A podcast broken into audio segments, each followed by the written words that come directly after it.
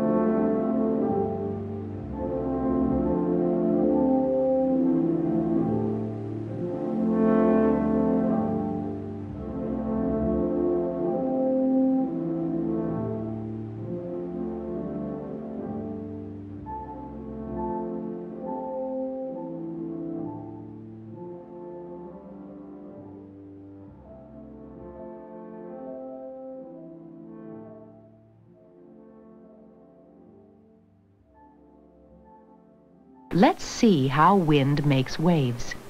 This is a wave tank. It was designed for studying waves under controlled conditions. At one end is a powerful fan which blows air across the water. The tank has glass sides so that waves can be seen from the outside. Watch what happens when we turn on the fan. At first, the wind makes only small ripples on the water. As the wind continues, the waves grow larger. The longer the wind blows, the larger the waves become. Waves form when energy is transferred from the air to the water. Now let's speed up the fan. The waves grow even larger. We see that the harder the wind blows, the larger the waves become.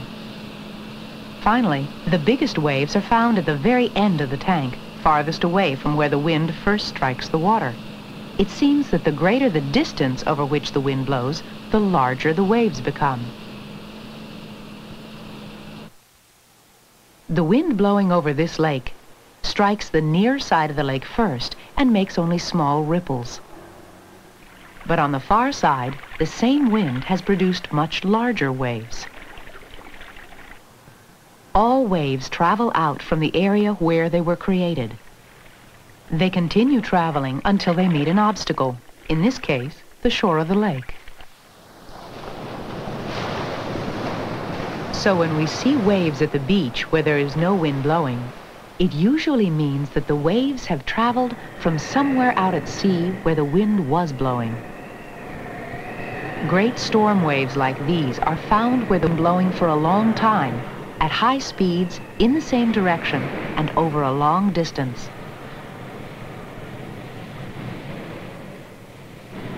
Waves spread out from the storm centers where they are created and may travel for thousands of miles before they lose their energy or meet an obstacle, such as the shore.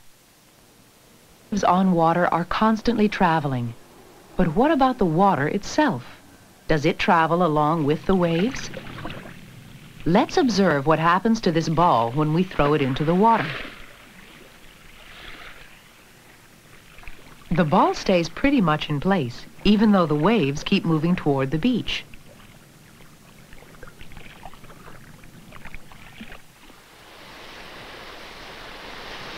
If the same ball is dropped into a river, it gets carried away. We see that an object floating on water will move as the water itself moves. Apparently, the wave form moves through the water, and the water itself stays pretty much in place. Let's do another experiment and find out how much the water in a wave does move. We'll use a wave tank again, but instead of using wind to make waves, we'll use a mechanical wave generator. The energy that makes these waves is provided by the regular movement of the wave generator. These simple waves are easier to study than the complex waves we find in the ocean. A small ball floating near the surface of the water behaves in much the same way as the larger ball did in the ocean. Let's watch it in slow motion. Each time the high point of the wave, called the crest, approaches the ball, the ball rises and moves forward with the wave. As the crest passes and the low point of the wave, called the trough, approaches, the ball moves down and backward. After each cycle, the ball is back to just about where it started. The motion of the ball is almost circular. This means that the water on which the ball is floating is moving in a similar circular orbit. At the water's surface, then, the effect of a wave is to make particles of water move in circular orbits. Now we can see what happens below the surface by putting weighted balls into the water. While the uppermost ball moves in an almost circular orbit, the deeper we go, the smaller the orbits become. The water moves less and less. Finally, at a certain depth, there is no measurable motion at all. If we measure the depth at which a wave no longer moves the water particles, we find that this depth is equal to about one half the distance between two successive wave crests. This distance is called the wavelength. The deepest ball, which we don't see move, is at a depth greater than half a wavelength. The upper balls are less than half a wavelength deep.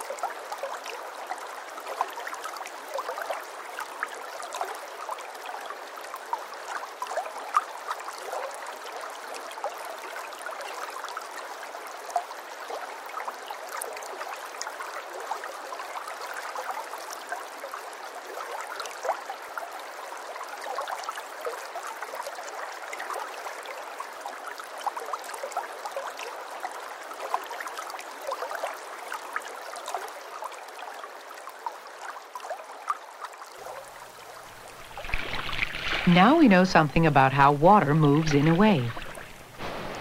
But why do waves break as they approach the shore? This is a typical sandy beach at high tide. At low tide, we see that the beach is actually sloped. A wave breaks when it travels from deep water to shallow water. What else happens to waves as they move into shallow water? Looking from the air, we see that as waves approach the beach, their wavelengths get shorter. Notice that the distance between these two waves is greater than the distance between the next two. This must mean that the waves are slowing down and bunching up as they get closer to the shore. What is happening to the water particles within the waves? We have seen that most of the orbital motion in a wave takes place within half a wavelength of the surface.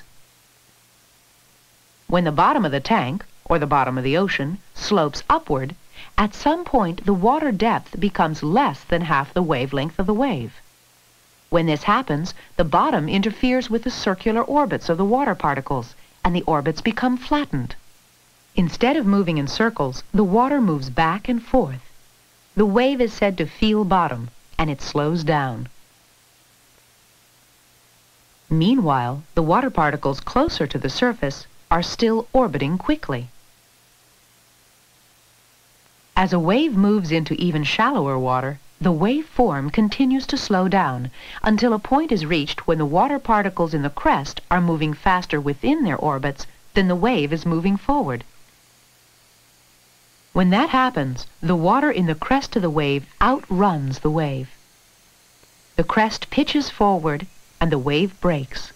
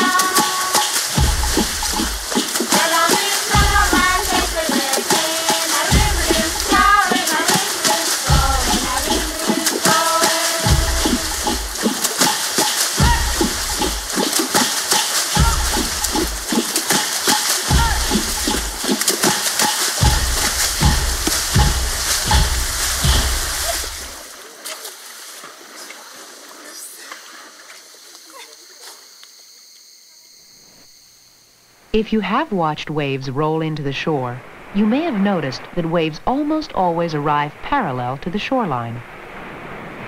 Why do they do this?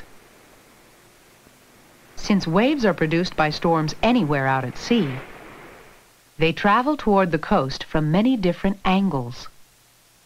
But as waves get closer to the shore, they swing around until they are almost parallel to the shoreline. We can understand this if we remember that waves slow down as they move into shallow water. This means that when waves meet a shoreline at an angle, the part of the wave nearest the shore is slowed down first. In the meantime, the part of the wave that is still in deeper water continues to move forward at normal speed. It will not slow down until it too reaches shallow water. When one part of a wave moves faster than another part, the wave bends. This is called wave refraction. We can see waves refract as they enter this bay. The waves first feel bottom just in front of the headlands, where they slow down and break. The part of the wave traveling through the deep water continues onward at full speed. The result is that the waves bend toward the headlands and spread out in the bay. That's why the same waves that crash into the headlands break more gently in the bay.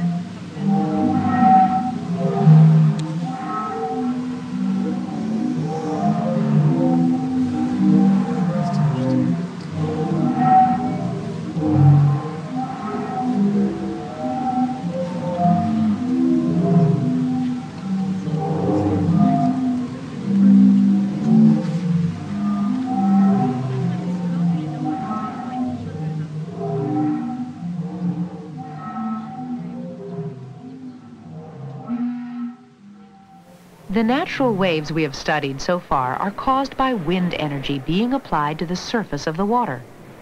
But what other ways are there to make waves on water?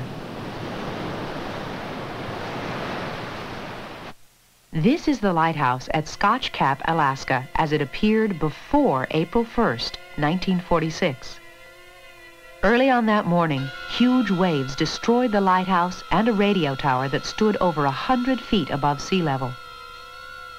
About three hours after the waves destroyed the lighthouse, similar waves caused this damage to the Hawaiian Islands, more than 2,000 miles from Alaska. On the coast of California, a tide measuring station in Crescent City was recording the normal rise and fall of the tides. At almost exactly the same time that the huge waves hit Hawaii, this station also recorded sudden large changes in sea level. In addition to these three locations, unusual waves were also recorded at several other tide measuring stations along the coast of North and South America. The farther away from Alaska each station was, the later the waves arrived at that station. From the speed and direction of the waves, scientists pinpointed the source of the waves to a small area of the Pacific Ocean off the coast of Alaska. The waves crossed the 2,200 miles of open ocean between Alaska and Hawaii in about four and a half hours. By dividing the number of miles the waves traveled by the time it took them to cross the distance, we find that the waves must have traveled at an average speed of about 488 miles per hour. Wind could never have produced waves traveling so quickly because wave-generating winds never blow that fast. How were these giant waves created? One way to make a wave is to apply energy to the container holding the water. We know now that the waves that damaged Hawaii were seismic sea waves created by a strong earthquake off the coast of Alaska. The earthquake actually moved the floor of the Pacific Ocean. Seismic sea waves, also called tsunamis, contain more energy than ordinary waves because their energy is distributed throughout the entire depth of the ocean. In comparison, the energy of wind-driven waves is limited to the surface layer of the ocean.